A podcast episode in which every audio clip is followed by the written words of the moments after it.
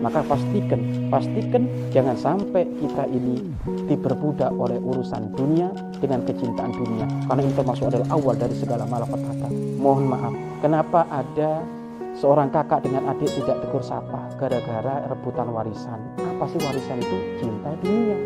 Kiai dengan kiai tidak akur rebutan tender majelis ini apa ini? Cinta dunia cinta jamaah.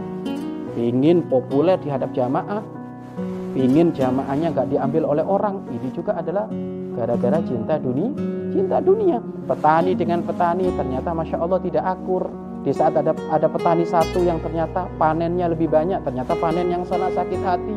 Sebabnya apa? Cinta dunia dunia. Maka ayolah kita nggak usah cinta dunia. Kita cinta Allah kita cinta Allah kita cinta Allah. Berat Pak Ustadz berat. Memang berat tetapi kalau kita mulai untuk sekarang kita perangi perasaan kita untuk benar-benar melatih tidak cinta dunia, maka lama kelamaan kita akan cinta kepada Allah Subhanahu wa taala. Pastikan mulai dari sekarang tidak perlu kamu mencintai dunia karena dunia akan hilang.